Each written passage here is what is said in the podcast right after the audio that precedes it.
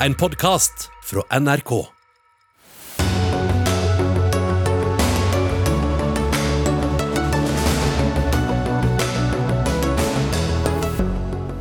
Ny trussel i Norge. Akselerasjonister. Høyreekstreme som tyr til terror fordi de mener det haster å endre samfunnet, mens hvite fortsatt er i flertall. En finansmann er og blir en finansmann, viser ny rangering. Én kvinne blant 42 i bladet Kapital. Mens Språkrådet går inn for å innføre det kjønnsnøytrale pronomenet 'hen' i norsk rettskrivning, er allerede ordet blitt erstattet med 'dem de' av de unge.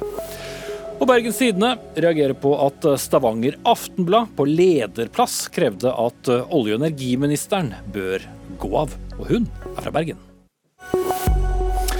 Med det sier vi god kveld og velkommen til fredagens Dagsnytt 18 med Espen Aas.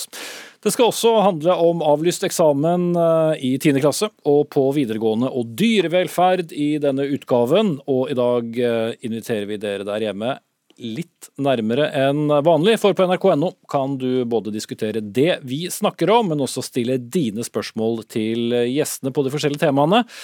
Og dersom spørsmålene er veldig gode, så kanskje jeg erstatter noen av de jeg allerede har. Men først, selv om trusselnivået her i Norge stadig er moderat, som det heter, ifølge Politiets sikkerhetstjeneste, anses det som mulig at både høyreekstreme og radikal islam kan forsøke å gjennomføre terrorhandlinger. Nye momenter i år er at det også dannes allianser mellom høyreekstreme og vaksinemotstandere, og også det som heter akselerasjonister blant høyreekstremer. Altså de som føler at de har veldig dårlig tid på seg til å destabilisere samfunnet. Vi skal ta det i tur og orden. PST-sjef Hans Sverre Sjøvold, begynner med det første. På hvilken måte er det da vaksinemotstandere og høyreekstreme finner hverandre? Det tror jeg de først og fremst gjør på internett. Jeg tror de har funnet en felles sak. Altså høyreekstreme, du nevner jo disse som vil ha raske endringer. De ser jo da på, på staten ofte som det elementet som opprettholder den orden vi har. Og så har du de som er vaksinemotstandere, som ikke er noe glad i staten, fordi de vil ha sin personlige frihet. Og Ofte så er det jo sånn at det er felles mål, felles sak som forener, ikke nødvendigvis det ideologiske grunnlaget. Og Det er nok det fenomenet vi ser her. Er det ikke vi har jo ikke mye av det her i Norge, men vi har hatt noen tilløp, og vi ser, vi ser jo spor av det på internett. Men i andre land så har vi jo sett betydelige utslag av bl.a. vaksinemotstand. Mm. Men det har jo da vært, vært tilfeller bl.a. hvor det er foretatt aksjoner på, på vaksinestasjoner osv. Jeg hørte deg si på pressekonferansen i dag at dere nok ikke tror at dette fører til terror, men ikke kan da utelukke voldshandlinger. Men, men er det snakk om ett miljø? Er det fragmenterte elementer, eller hvor mye vet dere? Det er jo det som er dilemmaet når vi har særlig internettbaserte grupper. De blir veldig løse, de er transnasjonale. De finner hverandre uten å egentlig kjenne hverandre. Så, så det er jo et fenomen som vi ser særlig på den høyreekstreme siden, men også nå da kombinert med, med vaksinemotstandere. Men jeg tror ikke du finner noe demonstrasjonstog utenfor Stortinget med denne gruppen. Men de dukket jo opp i Oslo her da, i forbindelse med et vaksinesenter. Mm. Noen medier, nettsteder, har jo skrevet om, om dette i, i, en stund, men er det først nå som, som PST velger å, å, anse det som en form for trussel? Ja, Vi har jo sett det en stund, men, men det har vel ikke vært mer akutt enn at vi har ventet til å presentere det i forbindelse med vår årlige trusselvurdering. Og Så kommer det da i tillegg til det du var inne på innledningsvis, nemlig trusler fra høyreekstreme som høyreekstreme og fra de ekstreme islamistene. Mm. Ja, og vi må, vi må, ta med de to tingene også. Akselerasjonister var vel et ord de færreste hadde hørt før, før, du sa det i dag. Hvis du skal forsøke å fylle ut et bilde her, hva, hva er det vi snakker om? Altså, dette er grupperinger på, på høyreekstrem side som føler at det haster med å beskytte den vestlige verdensorden. Vi kan se f.eks. hvis det blir mye innvandring, de føler seg truet, den hvite rase kan være truet. Og Man kan ikke vente på bruk av demokratiske virkemidler, det må skje raskt. og det er jo det er jo nettopp denne gruppen som eh, har stått bak, eller denne type personer som har stått bak alvorlige terrorhandlinger i eh, ja, både i Norge, men også internasjonalt. Mm. Filimansaus er brukt som et ja. eksempel mm. i så måte. Ja. Eh, og så har du da gruppering som disse gruppene igjen da vil advare mot, som, som er radikal islam. Er det noen utvikling. Det er jo også en gruppe som nevnes år etter år på samme måte som, som høyreekstremismen. Kan man si noe om aktiviteten som, som PST fanger opp? Vi, vi, beskriver jo at vi er nok mest bekymret for den høyreekstreme utviklingen. Når det gjelder eh, radikal eller ekstrem islam, så er det jo færre, det har vært færre terrorhandlinger eh, i Europa den senere tiden. Vi ser jo at aktiviteten i Syria har endret seg noe. Men de er fremdeles aktive også på, på internett, både Al Qaida og ISIL. Og så er det jo noen sånne usikkerheter vi har. Jeg nevnte vel tidligere i dag at etter hvert så begynner noen å, å slippe ut fra fengsel. De har sonet sine straffedommer. I Norge er det noen ganske få, i Europa er det mange hundre. Så Det er jo også en usikkerhet. Hva, hva skjer der? Eh, det er ikke alltid disse fengselsoppholdene virker eh, avradikaliserende, men kanskje kan vi håpe at ikke voldforherligelsen står først når de kommer ut. Mm. Takk til deg, Hans Sverre Sjøvold, PST-sjef. I den pågående konflikten mellom Russland, Ukraina og Vesten, eh, det er den som står eh, høyest eh, på agendaen til etterretningen. Og Lars Nordrun, du er assisterende sjef i Etterretningstjenesten. Og da jeg snakket med deg tidligere i dag, så sa du at denne enorme ansamlingen av, av tropper trupper og, og, militært materiell på grensen mellom Ukraina og Russland er nærmest uten sidestykke i, i nyere norsk eh, historie. Forklare. Vi har med deg fra bilen hvis noen skulle lure på hvorfor vi har et litt kornete bilde av deg. Ja, det stemmer. Dette er jo eh, ikke bare i norsk historie, i europeisk historie har vi jo ikke sett en slik styrkeansamling etter den kalde krigen. Så vi må tilbake til sovjettiden og langt tilbake for å se så store styrkeansamlinger. Det er jo snakk om 150 eh, 000 mann eh, i og rundt Ukraina og i Svartehavsregionen. Mm.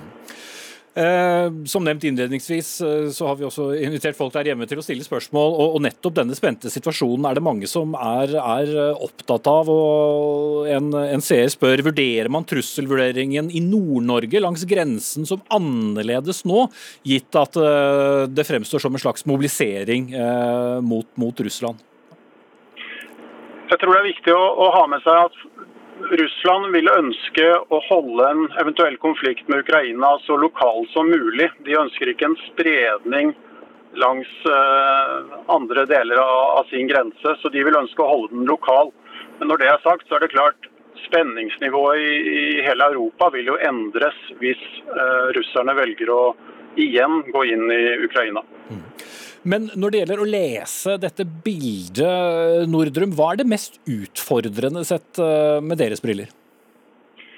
Det som er lett, det er jo å se de fysiske styrkene som eh, utplasseres. og Der er det veldig stor enighet i, i vestlig krets om, om hva som skjer. Eh, det som er utrolig vanskelig, er å forstå intensjonene. Og til syvende og sist så er det jo bare én mann som vet eh, hva Russland har til hensikt å gjøre til slutt. Og det er president Putin. Mm. Og han er ikke like lett å lese? Nei, dessverre er det vanskeligere å, å, å, lese hans intensjon når eh, det kommer til stykket. Men det er klart han har skaffet seg en opsjon om å gjøre noe eh, dramatisk. Han har skaffet seg eh, et militært grunnlag for å, å gjøre større eh, manøvrer inn i Ukraina dersom han bestemmer seg for det. Mm.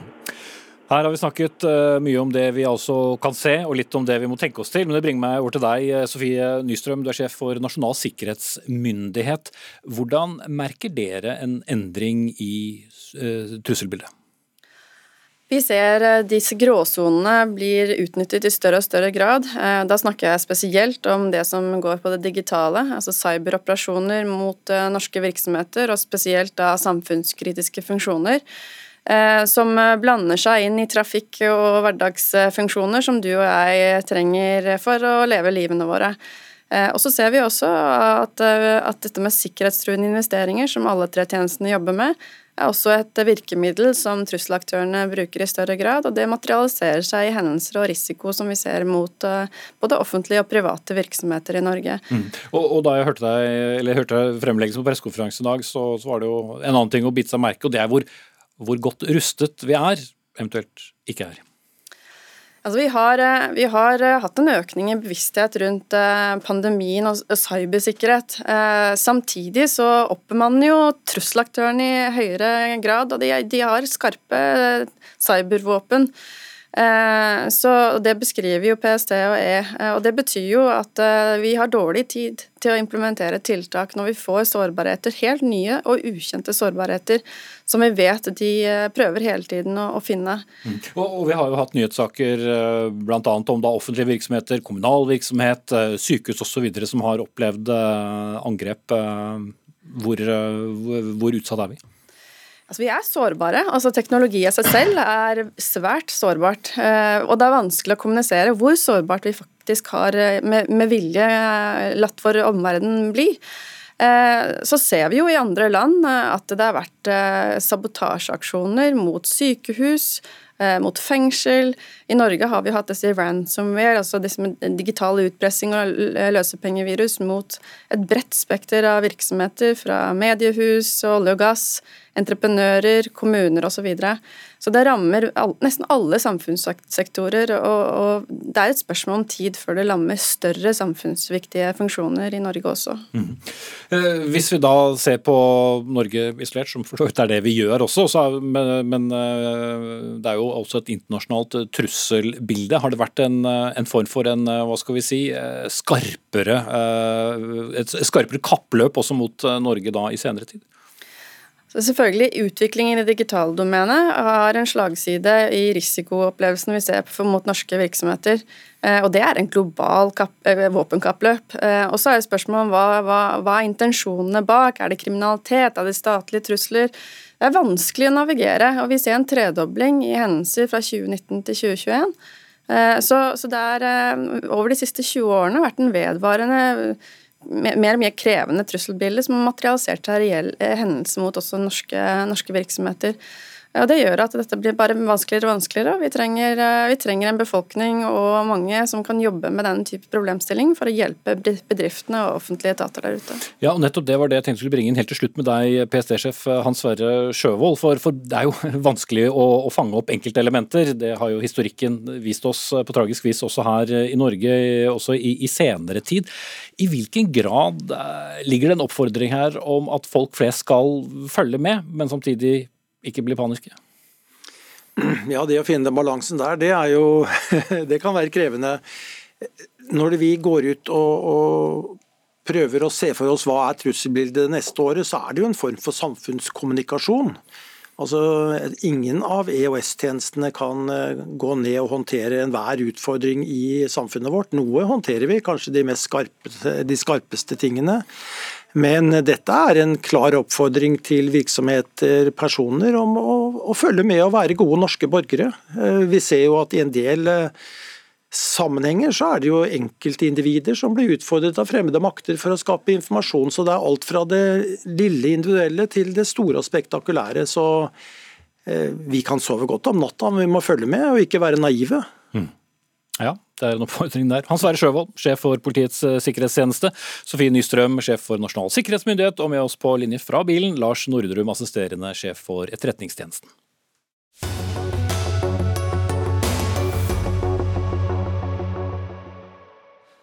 Utdanningsdirektoratet har anbefalt det, Elevorganisasjonen har bedt om det. Og i dag ble det altså klart. Skriftlige og muntlige eksamener i ungdomsskole og videregående skole blir avlyst for eh, tredje år på rad. Eleveksamener avlyses denne våren. Ja! Ja, så begeistret eh, ble man på videregående skole på Nesodden i eh, Viken. Men ikke alle jubler, for dette, dette var litt for tidlig å avgjøre, mener dere i Høyre. Jan Tore Sanner, eh, hva er det man skulle ha ventet på?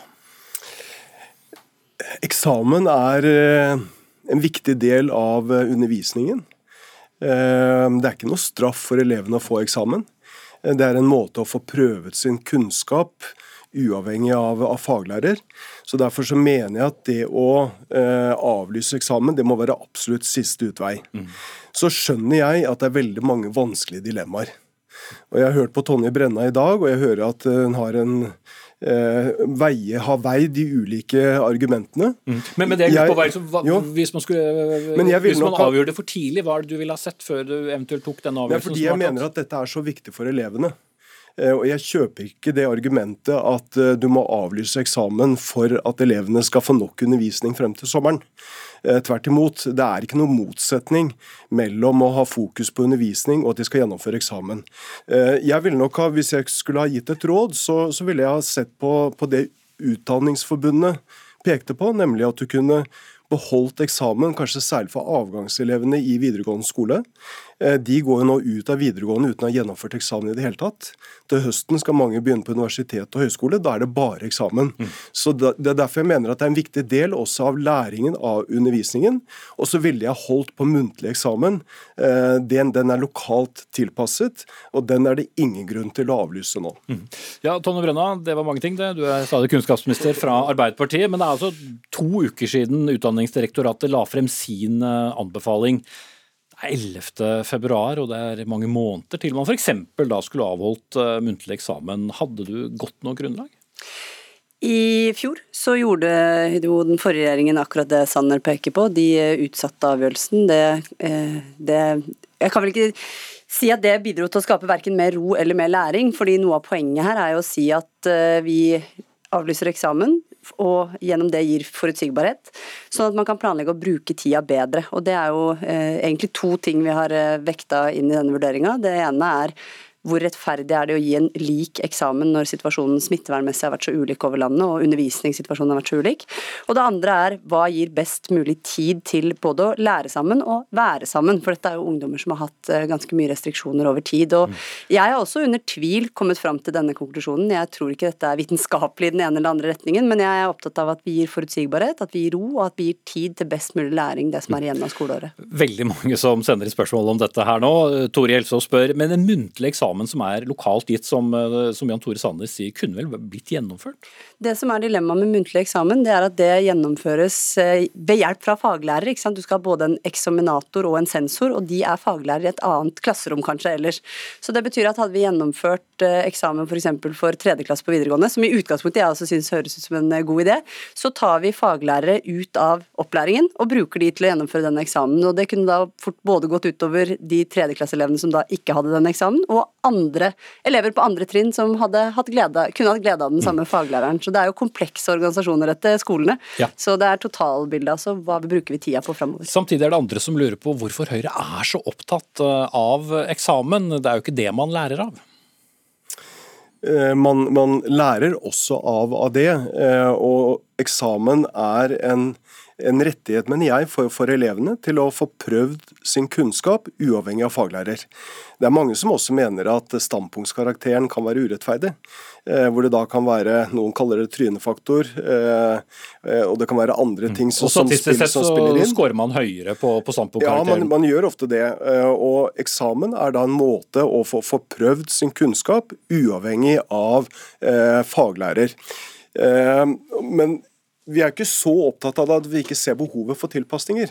Det er riktig som Tonje Brenna sier, at i fjor Eh, så holdt vi da fast eh, på dette tidspunktet på at avgangselevene i 10. klasse og 3. gym eh, burde ha anledning til å ha skriftlig eksamen og muntlig eksamen. Men da var vi også i en helt annen smittesituasjon. Nå tar vi andre hverdagen tilbake. Nå må også, og nå må, nå må, skoleelevene få mulighet til, til, å ta undervisningen tilbake. Og Jeg registrerer også at Norsk Lektorlag, som da er lektoren i norsk skole, de sier at det er ingen ingen motsetning mellom å løfte opp kunnskap og ha tid til undervisning, og det å gjennomføre også en eksamen på slutten av semesteret. Ja, jeg, jeg, deler fullt og helt uh, Sanders uh, oppfatning om eksamen, at det er viktig. Der jeg er uenig, er når, uh, når det blir sagt her at eksamen er en viktig del av undervisningen. Det er det ikke. Det er en viktig del av vurderingen. Og så er det jo undervisninga jeg er opptatt av at vi får mest mulig ut av ut dette skoleåret. Dette er ungdommer som har hatt strenge tiltak, som har behov for å være både sammen og lære sammen. Og Derfor så mener jeg at ved å avlyse nå, så gir vi en forutsigbarhet til skolene, til elevene, og sier at uh, dette er ikke en beskjed om at noen kan slappe av og bli hjemme under dyna resten av semesteret. Dette er en klar beskjed om å jobbe enda mer med skole, og at man får mer tid til å jobbe med skole. fordi eh, standpunktkarakter settes før eksamen. Og ved å ikke gjennomføre eksamen, så har man mer tid til også å sette standpunktkarakter, og forhåpentligvis kunne gi et enda bedre grunnlag for å gi en rettferdig standpunktkarakter. Men erfaringene, erfaringene fra i fjor, det var ikke at alle skolene og alle lærerne holdt uh, undervisningen helt frem til, uh, til, til, sommerferien. Og det er helt overbevist om at hadde en veldig klar sammenheng med at muntlig eksamen i fjor ble avlyst veldig tett. Den ble vel avlyst to ja, uker før den skulle vært der gjennomført. Der er vurderingene litt, litt ulike fra, fra fra, fra lærerne. Eh, og vi har, Det som er min bekymring nå, det er særlig eh, elevene i videregående skole. Eh, og Det hørte jeg også at du trakk frem i dag. Jeg skjønner at går du i, i, på tredje på, på videregående, så syns mange synes det er deilig å slippe eksamen. Men veldig mange av dem skal også begynne på universitet, høyskole eller fagskole til, til høsten. Og der blir de vurdert med eksamen. Eh, og Min frykt er at det vil være en krevende start for mange av dem, og ikke ha gått igjennom eh, denne litt mm. nervepirrende situasjonen. Skulle gjerne hørt deg svare på det, tiden vår er ute, men det er veldig mange spørsmål rundt dette. Så hvis dere begge titter innom nrk.no på, på veien hjem, så vet dere i hvert fall hva folk eh, er opptatt av. Tonje Brenna, kunnskapsminister fra Arbeiderpartiet, og Jan Tore Sanner, stortingsrepresentant fra Høyre. Og så har det kommet inn en melding her nå om at Utenriksdepartementet skjerper reiserådene for Ukraina, Hviterussland og Russland. Pga. den alvorlige og uforutsigbare sikkerhetssituasjonen fraråder Utenriksdepartementet alle reiser til Ukraina, og oppfordrer norske borgere til å forlate landet.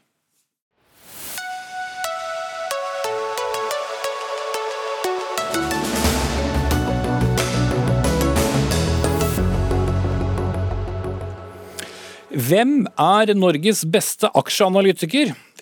Vel, hvis du plukket opp eh, et eksemplar av Kapitals nest siste nummer, har du kanskje fått med deg at eh, magasinet har kåret nettopp det, og kun ett kvinneansikt er eh, å se i til sammen 14 kategorier, hvis du leter nøye. På listen over de 25 beste analytikerne finner vi kun menn. Tolv av disse preger forsiden av Kapital, og det har skapt reaksjoner. Marie Louise Sunde, daglig leder av likestillingskampanjen Equality Check, hva fortalte denne kåringen deg om eh, norsk finans? Altså, Den viser jo bare virkeligheten, og virkeligheten er at det er noen bransjer i dag som fortsatt er fryktelig mannsdominert. Finans er en av dem, særlig aksjeanalytiker. Så det her er jo bare å vise frem sånn som virkeligheten er. Og Det som er bra med det, er at det i dag skaper at folk blir provosert, og folk ønsker det annerledes. Eh, men fortsatt så er det virkeligheten. Men eh, hva skal man lese ut av det, da? Kan det bare være et yrke som ikke tiltrekker seg kvinner? Det, det, er ikke at det ikke tiltrekker seg kvinner. Eh, og dette her, Vi jobber en del med CORE, Institutt for samfunnsforskning. og De eh, har forsket mye på det også sammen med oss. og det man ser også i finans, så er det sånn at kvinner vil, eh, og kvinner kan. Det er etter hvert mange kvinner som har riktige kvalifikasjoner. Men en av de viktigste premissene for å lykkes i den type fremskutte posisjoner, det er fleksibilitet. Eh, og det ser man at det har ikke kvinner i samme grad som menn. Så når du ser på menn som har den type roller, så er det tre fjerdedeler som har en kone hjemme, eller partner hjemme, som gjør alt av eh, bakkearbeid. mens når det gjelder gjelder kvinner i samme posisjon, så er det bare 15% Sånn at eh, viljen er der, evnen er der, eh, men konkurransefortrinnene er fortsatt veldig ulike. Mm. Så, så bransjen eh, er ikke like moderne som andre? Eh, ja, det, er noe med bransjen, det er noe med samfunnet. Eh, samfunnet er fortsatt, eh, det er fortsatt store kjønnsstereotypier, det er forskjellig forventning til menn og kvinner i samfunnet. Men så er det også en del trekk ved bransjen som kunne gjort det enklere for kvinner. Hvis man ser på foreldrepermisjon, f.eks. For eksempel, hvordan foreldrepermisjon er løst. Et problem i, finans mange steder er at du bygger opp en portefølje med kunder. når kvinner da går ut i permisjon, så mister de f.eks. den porteføljen, og så må de starte på nytt igjen hver gang. Det samme er ikke tilfellet for menn, for menn kan i mye større grad la være å ta permisjon eller styre permisjonen til en periode som passer for dem. Mm. Vibeke Holt, redaktør i Kapital. Det er jo dere som har eh, trykket denne oversikten og denne kåringen. Eh, hva er din forklaring på at den blir så veldig mannsdominert? Eh, det er mange ting. Veldig mange ulike faktorer. Eh, ser du på eh, kjønnsfordelingene på handelshøyskolene, så har det tradisjonelt vært mannsdominert. Ser du på andelen kvinner som velger finans, som jo er liksom den viktigste rekrutteringskanalen for den type stillinger som aksjeanalytikere er, så er det veldig mannsdominert. Ser du på autorisert finansanalytikerstudie, som liksom er enda en spesialisering i den retningen der, så er det enda færre kvinner. Sånn at trakten den blir bare trangere og trangere. Og og på toppen av det her så er det eh, kanskje det at kvinner har mer omsorgsbyrde hjemme. Kanskje er det ikke like attraktivt for kvinner å sitte og diskutere økonomi og finans. Kanskje er det litt jantelov. Kanskje er det litt sånn eh, tabu å diskutere store investeringer. Det er vært en litt sånn guttegreie. Um, og så kanskje er det ikke synes det har vært, kvinner syns det har vært spennende nok og gjort andre valg. Så her er det veldig mange forskjellige forklaringer. Mm. Eh. For å stille deg det som kan avsløre et litt retorisk spørsmål. Mm. Det var altså én kvinne av disse 42 da dere skulle trykke bladet, vurderte man da å helle vinkle på at uh, se her, her er det én kvinne? Eller var det riktigere å publisere tolv herrer? Eh, for det første, Vi kan ikke manipulere tallene. Det er ikke Kapitals eh, egne journalister som har satt sammen det her. Det her er en bransjeundersøkelse. sånn at eh, Vi har spurt norske meglerhus om de kan nominere sine kandidater. Det har de gjort. Der er det veldig lav kvinneandel.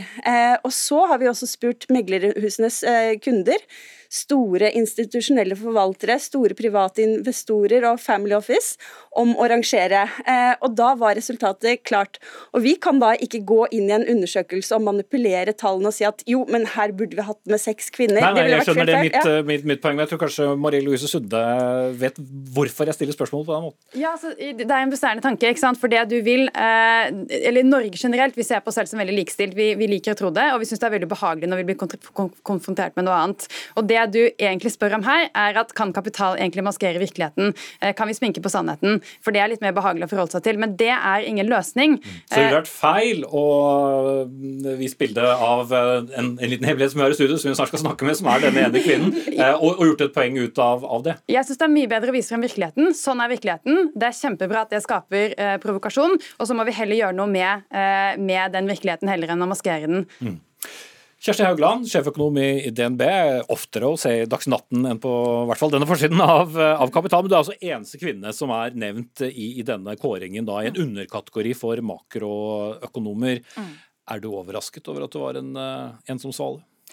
Nei, det har jo vært noen flere kvinner representert òg til tider, men det har jo alltid vært en veldig låg kvinneandel på den kåringen.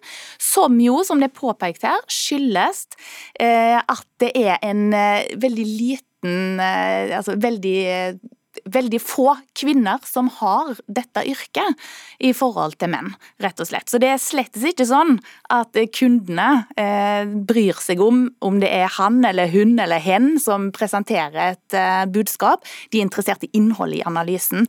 Og da er det, hvis det er veldig mye færre kvinner som presenterer nettopp et sånt innhold, så havner de heller ikke på den lista. Så vi har en utfordring med å få lokka kvinner til bransjen vår, som jeg oppfatter som en utrolig attraktiv bransje. En bransje som kan by på tempo og engasjement, og et veldig stort samfunnsaspekt. altså Mange tror kanskje at det er bare å kikke ned et regneark og holde på for seg selv, at det høres relativt uh, tråkig ut.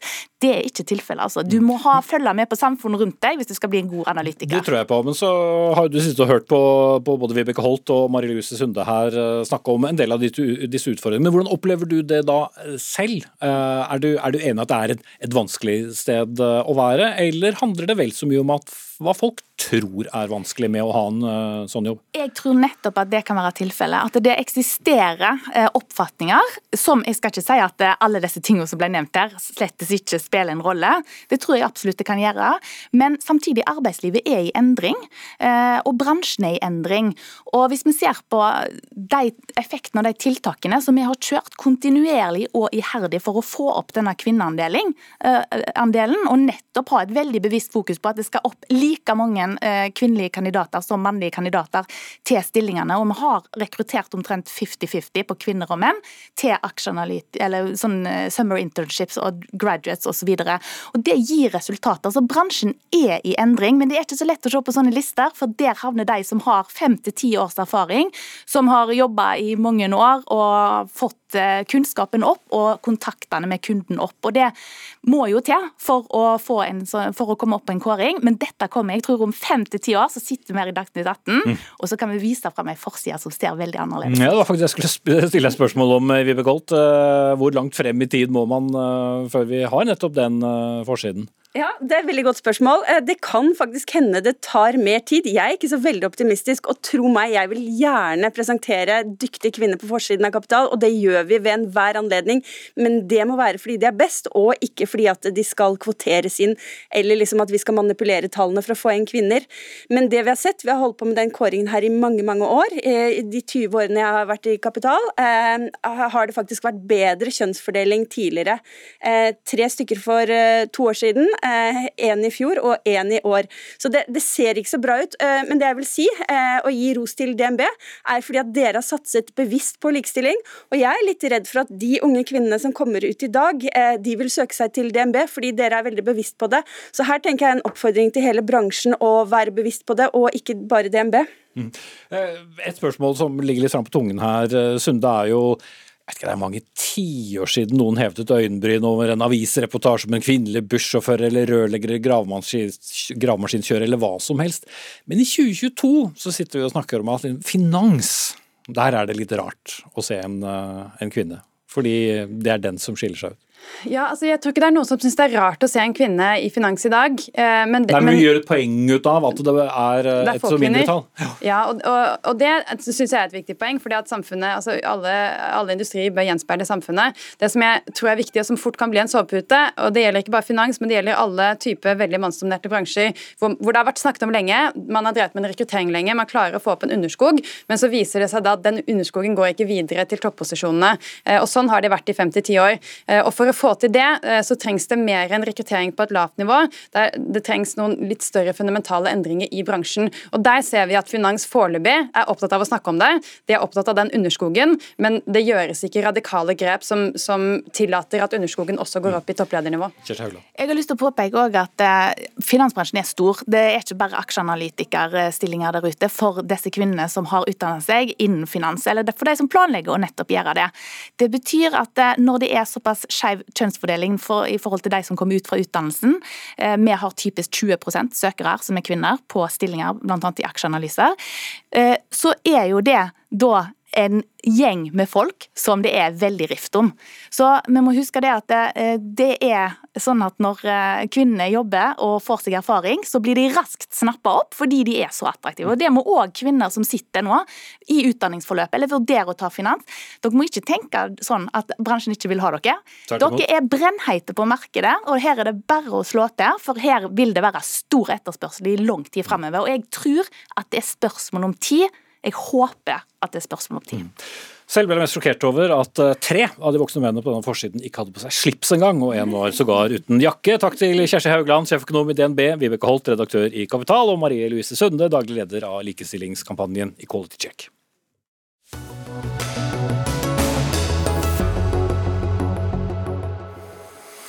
Norge må ha bedre dyrevelferd for svin, og det haster, mener noen. For et flertall av stortingspartiene går nå inn for å be regjeringen stille strengere krav til svinenæringen. Men regjeringen selv synes det er rart at dette forslaget kommer før en kunnskapsbasert stortingsmelding om dyrevelferd er på plass. Og Ingvild Wetterhus Thorsvik, du er stortingsrepresentant for Venstre. Hvorfor har dere så dårlig tid? Altså, dette er et område som det er lenge siden det har skjedd store endringer i lovverket, men samtidig så er det et område hvor det har skjedd enorme framskritt i kunnskapsgrunnlaget. Vi vet mye mer om hva dyr trenger for å leve gode liv, og vi vet mye mer om hva som gjør at dyr lever i lidelse, og dette gjelder spesielt gris. Eh, det som vi foreslår nå, er å gjøre forbedringer i regelverket, bl.a. innenfor svinenæringa, og det handler òg om å ruste denne næringa for framtida. Eh, fordi at Vi vet at minstekravene i dag er for lave. Vi vet at eh, en gris på 110 kg har ikke nok plass på 1 kvadratmeter som er dagens vilkår. Vi vet at gris ikke skal være på hardt underlag, og at det fører til liggesår og beinlidelse, halthet, leggsykdommer. Og alt er det som følger av dagens forskrift, som har vært som den er siden 1996. Sånn at det er helt klart på tide med endringer innenfor svinenæringa. Sandra Borch, landbruks- og matminister. En slik stortingsmelding er ikke planlagt å være klar før i 2024, som da er to år, for de som ikke husker at vi er i 2022. Men eh, hvorfor kan ikke noe sånt være på plass før helt slutten, eller mot slutten av deres regjeringsperiode? Det regjeringa har vært opptatt av, er jo å lage en ny dyrevelferdsmelding som skal gjelde alle dyr. Både produksjonsdyr, kjæledyr, men også fisk. Eh, og det, Da trenger vi fakta, vi trenger kunnskap på bordet for å, for å kunne utforme den meldinga. Eh, og så må jo jeg si at eh, jeg er stolt over at regjeringa på 100 dager nå har satt i gang arbeidet med dyrevelferdsmelding. Forrige regjering, som Venstre var en del av, snakka bare om dyrevelferdsmelding, men setter aldri i gang den jobben. Så på 100 dager nå så har vi satt i gang en omfattende jobb. Det er ikke en liten jobb som skal gjøres. men har man ikke veldig mye kunnskap? Altså, og Vi har jo hatt mange avsløringer, vi har hatt veterinærer ja. som advarer dokumentarer. Vi har hatt dokumentarer her på NRK som har vist eh, lite imponerende dyrevelferd, særlig i, i svinenæringen. Så hvorfor skal vi bruke enda flere år? Dyrevelferd er jobb nummer én, eh, også for, eh, for denne regjeringa. Vi ønsker også å forbedre dyrevelferden, og vi må hele tida følge med i utviklinga. Men vi er også nødt til å samle inn all den faktaen, den kunnskapen, sånn at vi får en dyrevelferdsmelding som står seg over tid. Og så må jo jeg si at eh, jeg aksepterer egentlig ikke premisset om at, om at svinenæringa er en versting. Nå har vi satt i gang en tilsynskampanje i svinenæringa hvor hele næringa er med og bidrar til å forbedre oss også forholdene der. Men det har vært nettopp en del avsløringer ja, der, da? Ja, men nå ser vi jo på rapporter nå at, eh, at svinenæringa har gjort eh, mye forbedringer. Og så vil jeg også dra inn at eh, når vi ser varslinger til Mattilsynet, som, som er et viktig kontrollorgan her, så er jo uh, halvparten av bekymringsmeldingen jo knytta til kjæledyr. og Nettopp derfor er det òg viktig å få kjæledyr inn i denne dyrevelferdsmeldinga som regjeringa nå mm. legger opp til. Det betyr vel ikke da at dette er en sovepute, Torsvik, eller? Jo, altså, eh, og grunnen til at det òg framstår som en, en, ganske heftig sovepute, er jo nettopp fordi at eh, altså, vi foreslo dette i november i fjor. 28. desember i fjor, altså midt i romjula, så sender regjeringa ut en pressemelding, eller publiserer en pressemelding på sin egen eh, nettside om at de skal komme med denne dyrevelferdsmeldinga, og at de skal komme med den i 2024. Det vil si at den hadde ikke vært kommet inn til Stortinget før i slutten av denne perioden, slik at regjeringen til stadighet kunne vist til denne meldinga hver gang vi kom kommer med forslag for bedring av dyrevelferden. Noe som jeg antar at er hele formålet med å skulle legge den fram så sent. Eh, og så, så snakker landbruksministeren om dette med en tilsynskampanje, og det er kjempefint, det. Men problemstillinga er jo nettopp at det er jo minstekravene som er for lave i dag. og Det er det vi er nødt til å gjøre noe med. og Så foreligger det en hel haug med forskning på dette området alene. Eh, og vi vet at eh, Basert på den forskninga så, så, har man kommet fram til at grisene trenger i utgangspunktet minst 50 mer mer plass enn i dag. Òg Mattilsynet anbefaler jo mykt, eh, mykt underlag. og mm, jeg vil også vise til at Veterinærforeningen i høringsrunden rundt dette forslaget støtter det og tar til orde for en mer offensiv satsing. sånn at det, dette er en eh, godt faglig vurdert okay. Eh, forslag. Sandra Bork. Jeg vil først bare påpeke at jobben med dyrevelferdsmelding og, og signalene rundt at vi skulle lage den, kom i Hurdalsplattformen, som sier tydelig at Eh, den nye regjeringa ønsker å jobbe med dyrevelferdsmelding. Det, mm. Men ønsker å jobbe med er vel ikke det samme som at eh, noe blir satt ut i livet? Vi, jo, selvfølgelig. Det er jo nettopp derfor. og jeg mener Debatten rundt dyrevelferd må basere seg på kunnskap og fakta, og ikke følelser. Ofte blir det det når man diskuterer dyrevelferd. Men det er vel ikke Nei. følelser det veterinærer uh, Nei, melder fra? Nei, Og alle de innspillene skal jo også tas med i vurderinga rundt uh, jobbinga med i dyrevelferdsmelding, som ikke minst også skal stå seg over tid. Nå er det 20 år siden vi har hatt ei dyrevelferdsmelding årsmelding. Eh, så det er absolutt på tide. Og, og, og vi har tatt tak i den jobbinga nå. Og så vil jo Altså, Venstre har sittet i regjering i åtte år. Eh, vi har sittet 100 dager. Vi har starta jobben med dyrevelferdsmelding. Det er mer enn det Venstre fikk til på åtte år. Så jo, Man glemmer veldig fort at det er bare tre måneder siden de sjøl satt i regjering. satt i denne stolen. Mm. Får ikke lov å si 100 dager og åtte år eh, flere ganger her. Eh, ja, men det er viktig å ha med seg. Ja. Eh, Torsvik, det er jo eh, Men det er jo likevel et poeng. Hvis man har sittet på så mye eh, kunnskap blant tingene som skjedde i deres regjeringstid, som en ser påpeker her, er jo bl.a. at man inngikk en handelsavtale med England og kjøpe kylling og gris derfra. Er, er det en måte å sikre dyrevelferd på? Altså I regjeringsperioden som Venstre var en del av, så skjedde det veldig veldig mye på dyrevernområdet. Altså Vi snakker om eh, avvikling av pelsdyrnæringa, vi snakker om dyrepoliti i, i hele landet. Eh, det ble jo varsla en dyrevelferdsmelding eh, i den regjeringsperioden. Eh, og eh, det ble obligatorisk med deltakelse i dyrevelferdsprogram for alle svinebønder. Men jeg vil bare eh, si noe om hvorfor det er viktig at disse endringene i, i forskriften om svinehold kommer nå. og Det handler bl.a. om å gjøre denne næringa klar for framtida. For det første så er det jo sånn at Norsvin eh, har eh, i høringsinnspill sagt at noe sånn som 70% av grisebøndene har behov for eh, oppgradering og vedlikehold av de kommende årene. Og da er det sånn at Hvis vi nå venter med dette og lar de oppgraderingene skje, så er det fryktelig synd at vi om noen år, som vi må komme til å gjøre, kommer med nye minsteregler som gjør at de investeringene som blir tatt nå, er, må gjøres på nytt igjen om noen få år. Sånn at det, er ikke, det vil være en bjørn bjørnetjeneste til bøndene at vi ikke gjør dette med en gang. Mm. Det andre er jo at eh, disse bøndene, grisebøndene er, er avhengig av tillit hos forbrukerne. Vi vet at eh, de siste årenes eh, fokus på, på, grisehold har ført til eh, minskende tillit. Så hvis dette skal være en næring som er bærekraftig for framtiden, så må man ta tak nå. Og det må det òg komme økonomiske insentiver som skal gjøre det lettere for disse bøndene å gjøre, sånn at eh, god dyrevelferd okay. skal lønne seg for bøndene. Ingvild Wetterud Storsvik, stortingsrepresentant for Venstre, eller fra Venstre. Sandra Borch, landbruks- og matminister fra Senterpartiet. Og så minner jeg om at eh, dere kan fortsette diskusjonen altså på nrk.no. Se etter bildet fra Dagsnytt 18, og så er det mulig å fortsette diskusjonen der.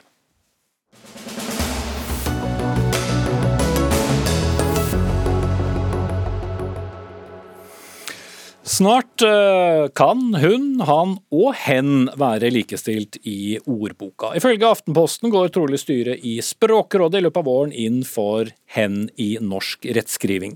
Men mens Språkrådet diskuterer ordet hen, er det flere som heller skulle sett at de fokuserte på et annet pronomen, nemlig dem eller de, for ikke-binære personer, altså de som ikke passer inn i båsene mann eller kvinne. Janne Viktorius eh, Gipling eh, Bondsaksen, politisk nestleder i Skeiv Ungdom. Eh, du bruker både hen og, og, dem og de, i likhet med flere andre. Hvorfor er dem de noe som er lettere å foretrekke? Det har mye med det at hen-pronomen i min hjemdialekt f.eks. blir brukt som han-pronomen. Eller i hvert fall forvekslingsvis forvekslingsvis det er veldig likt. Men det har også med det at folk har ikke det forholdet til hen som de har til de dem. Mye engelskspråklig bruk i norsk, og det er mange grunner. Mange føler at det er bedre å bruke et pronomen som ligger lenger unna han og hun, da. Mm.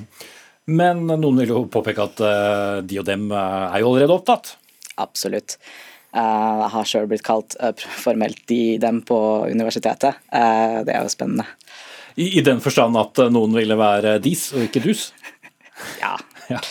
Eh, forfatter og språkforsker Helene Uri, du liker best eh, hen. Hva syns du er problematisk med dem, de? Nei, Det er jo som det blir sagt her at det allerede er opptatt. Og det er jo også ganske komplisert. Jeg har forsøkt å bruke de, eh, dem, i omtale av en person i tredjeperson, og det er ganske vanskelig. Men eh, jeg må jo si at jeg syns jo det er et godt prinsipp å ta hensyn til ønskene hos de gruppene det gjelder. Sånn at når ønsket er å bli omtalt med de dem, så vil jo jeg gjøre mitt ytterste for å oppfylle de ønskene. Men eh, jeg ønsker jo da tilbake både tålmodighet og toleranse hvis jeg ikke helt får det til. Ja, eh, Bondsaksen, eh, du begynte å bruke da hen tilbake da i, i, i 2015, eh, og la gå at det ble litt mer dis enn dus her. Men hva, hva, slags andre reaksjoner fikk du? Nei, det var jo veldig nytt. Det var jo tilbake rundt da oss hadde den debatten i Sverige, da de innførte det i Sverige. Det var relativt nytt i Norge. Det var vanskelig for de rundt meg å omstille seg. Hvordan opplever du det nå, seks-sju år etter?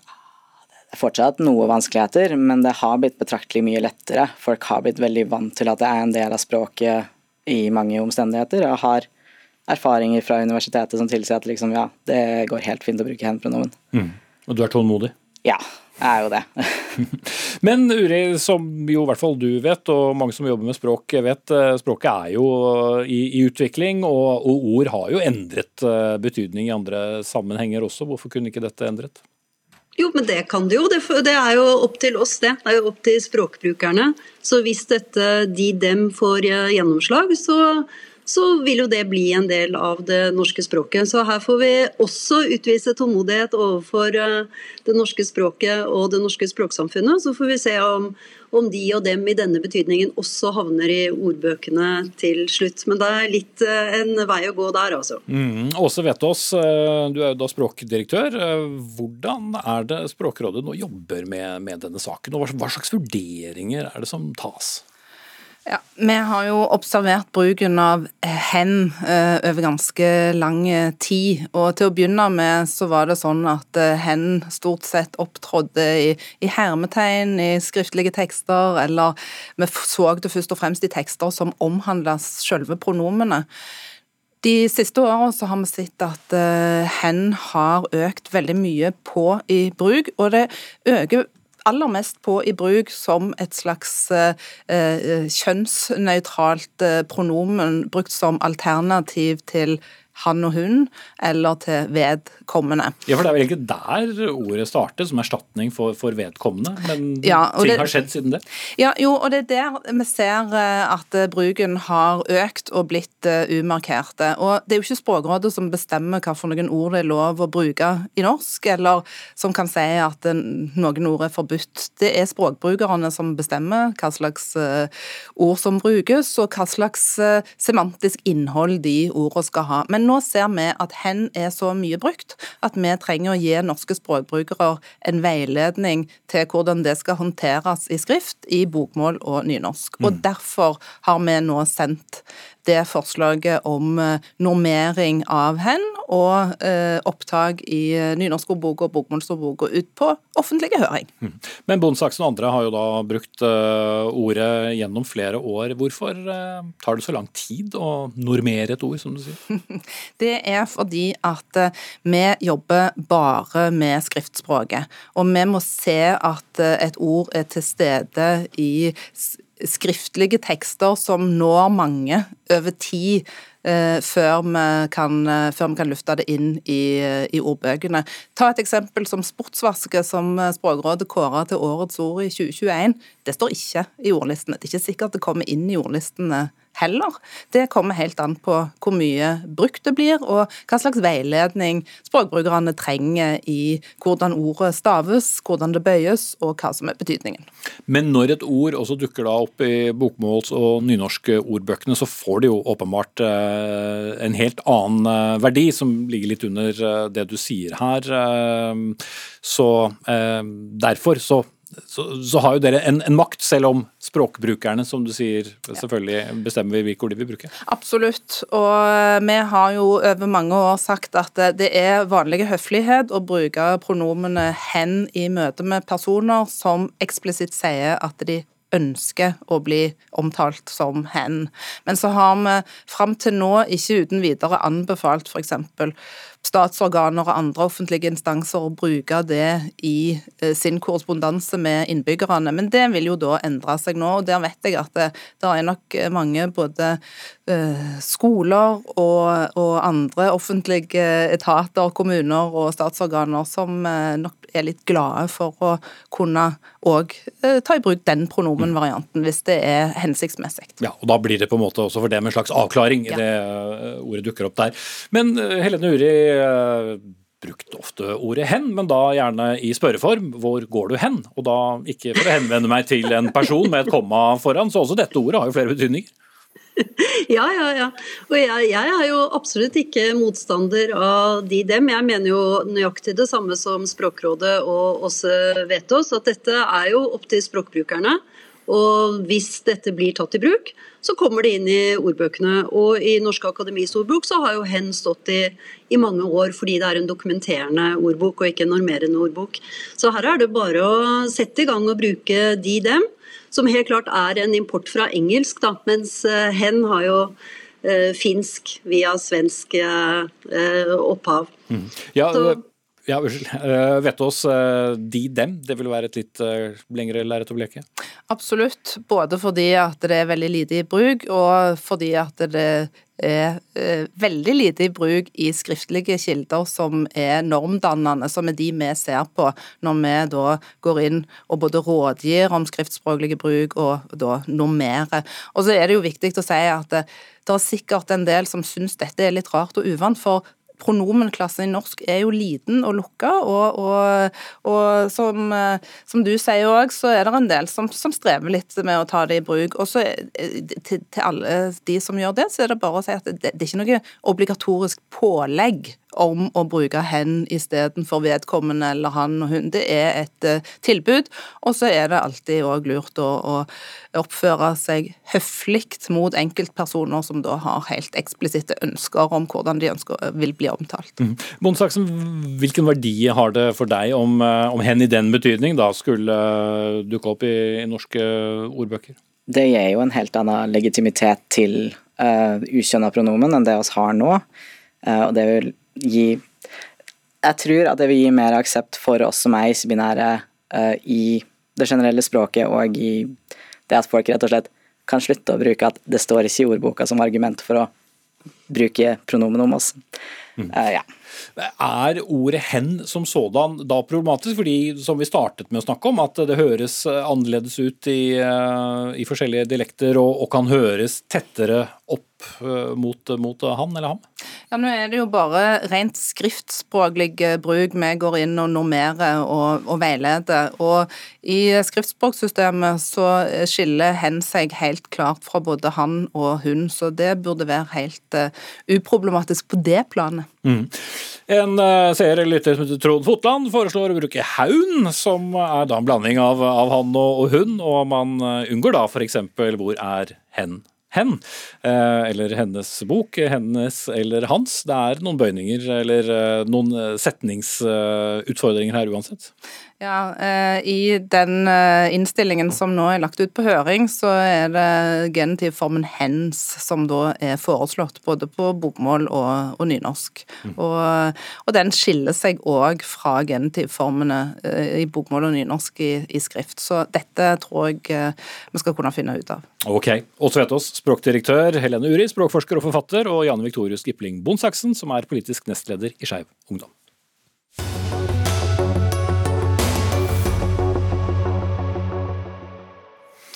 Stavanger Aftenblads eh, krav på lederplass denne uken om at statsministeren bør vurdere olje- og energiminister Marte Mjøs Persens stilling, fikk i dag et uh, motsvar, og det, og det, i hennes uh, hjemlige avis, regionavisen Bergens Tidende.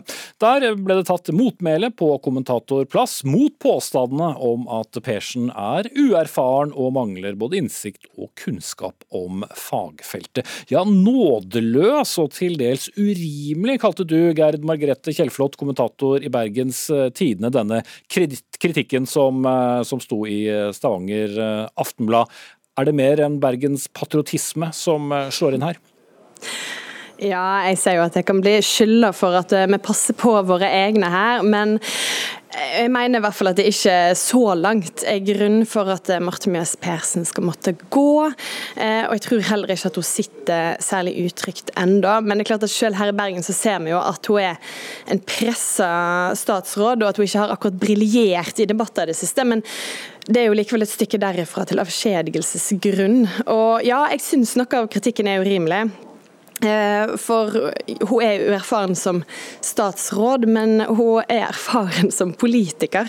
Og hun har ikke noen dårligere bakgrunn enn forgjengerne, hennes har hatt. Mm. Så jeg tenker at Persen er egentlig ikke problemet. Det er de høye eh, strømprisene som er problemet, og, og politikken regjeringen fører som feiler. Mm. La oss gå til eh, skal vi si, olje- og energibyen Stavanger. da, Hildre, eh, Hilde, som du faktisk heter, Øvrebekk, du er jo kommentator i Stavanger Aftenblad. Dette er jo skrevet på lederplass, og da er det alltid hemmelig hvem som har skrevet selve lederen. Men uh, fortell oss likevel hvorfor valgte dere å gå ut med så krass anbefaling til statsministeren? For det er ikke så vanlig å se den slags på lederplass. Nei, eh, det er ikke vanlig i det hele tatt. Men uh, nå vil jeg bare si at vi, vi har ikke tatt til orde for at hun skal gå og bli avskjediget. Vi har uh, egentlig det vi tok til orde for, var at statsministeren burde revurdere hennes stilling som olje- og energiminister. Og Det var jo basert på det at han selv har skjermet henne fra de muntlige spørretimene i, i Stortinget. og at uh, hun har gjort en dårlig figur, syns vi, i en rekke debatter nå. Og vi føler jo da at folk fortjener, når vi står i denne krisen som vi gjør, fortjener litt bedre svar på de spørsmålene som de har. Mm, men det etterlatte inntrykket når man ber statsministeren revurdere hennes stilling, er jo ikke at hun bør fortsette den? Nei, og vi har jo òg skrevet det at uh, i den lederen så skrev vi òg det at uh, det virker litt som om de har satsa alle kortene på at uh, i og med at dette var et klimavalg når de gikk til valg, at sette inn Espen Barth Eide som klima- og miljøminister og Persen som oljeminister, at klimaministeren med en veldig erfaren person på energifeltet eh, ville da skinne litt mer og få en litt større rolle i den regjeringen. Og Så fikk vi strømkrisen, og så er det egentlig Barth Eide som har svart på de spørsmålene som Persen burde ha svart på som fagstatsråd. Mm. Og Det er ikke helt riktig det som blir sagt fra Bergens Tidende, at de forrige statsrådene ikke hadde noe erfaring. For Tina Bru, som satt forrige gang, hadde veldig mange år i energi- og miljøkomiteen på Stortinget før hun tok over som olje- og energiminister. Mm. Og for alle som er opptatt av hvor folk kommer fra, eh, Tina Bru representerer da Rogaland, hvor Stavanger Aftenblad er plassert. Men eh, Kjellflot, eh, da har du fått litt mer om, om, om bakgrunnen, men du er fortsatt ikke enig i lederen? Nei, og det blir jo gjentatt her at, eh, at Støre har skjerma Persen. Eh, og jeg vet ikke om egentlig det stemmer. Eh, det er ikke nødvendigvis eh, sånn jeg får det fortalt, i hvert fall. Eh, og egentlig så vil jeg jo mene at Støre helst har skjerma seg sjøl i denne saken, og, og, det er egentlig mest underlig at ikke han har vært mer eh, synlig i en sak som er såpass alvorlig og vanskelig for regjeringen. Um, og Spørsmålet er om han egentlig ønsker å ta i den. Um, at den kanskje har blitt så, så, vanskelig. og vi vet jo også at For Senterpartiet er dette en veldig veldig vanskelig sak. og Det er jo absolutt grunn til å tro at hadde de vært i opposisjon, så hadde de stått i fremste rekke for å kreve makspris og kutte kablene til kontinentet. Mm. Ja, uh, Hilde Øvrebekk, uh, det er jo mange senterpartister som uh, også mange vil si har uttalt seg skal vi si, interessant om, om, om, strømpriser, men jeg har ikke sett noen av de bli nevnt på, på lederplass hos dere. Det er olje- og energiministeren. Nei, og det er helt sant det som ble sagt, at eh, Støre har jo skjerma seg sjøl òg. Eh, men jeg mener jo òg at eh, faktisk så fortjener både folk og opposisjonen på Stortinget fortjener òg å kunne stille spørsmål i de muntlige spørretimene, som alle andre statsråder da stiller opp på. Og det er ikke naturlig at eh, en minister for et annet departement skal eh, svare på de spørsmålene som hun egentlig skulle ha svart på. Mm. Men bare for å bryte inn, Øvrebekk, beklager at jeg avbryter deg, men eh, jeg må bare få inn det poenget at hun har jo stilt i den ordinære spørretimen og svart på spørsmål, i tillegg til å stille i debattfrater som alles kjære Dagsnytt 18, Debatten og, og andre steder, så er nettopp den spontanspørretimen så viktig. Den er viktig fordi at der får du stilt spørsmål som er frie spørsmål, som de ikke har forberedt seg på eh, på forhånd. Fordi den andre ordinære spørretimen er jo der eh, de har fått spørsmål på forhånd, og de nærmest leser opp et svar. Og så kan, sier du, du snakker om debattene hun har stilt i, det, det nevnte vi òg i den lederen, om at eh, det er jo debatter hvor hun eh, da, Vi syns jo at hun kommer med det som er nesten usannheter og eh, veldig veldig på kanten av å være sant. Da blir jo f.eks. ikke tomt i magasinene hvis vi setter en, en okay. Eh, fast pris på strøm. Er da ikke her til å, å, svare for seg. Jeg skal bare nevne at statsminister Jonas Gahr Støre har også kommentert denne lederen deres i dag, og han har tatt henne i forsvar og sier at han er stolt av hennes jobb. Takk til Gerd Margrethe Kjellflot, Bergens Tidende, Hilde Øverbekk, Stavanger Aftenblad. Vi er ved veis ende. Gro Arneberg var ansvarlig for innholdet i sendingen. Elisabeth Sellereite tekniske. Jeg heter Espen Aas. Fortsett gjerne å diskutere på nrk.no.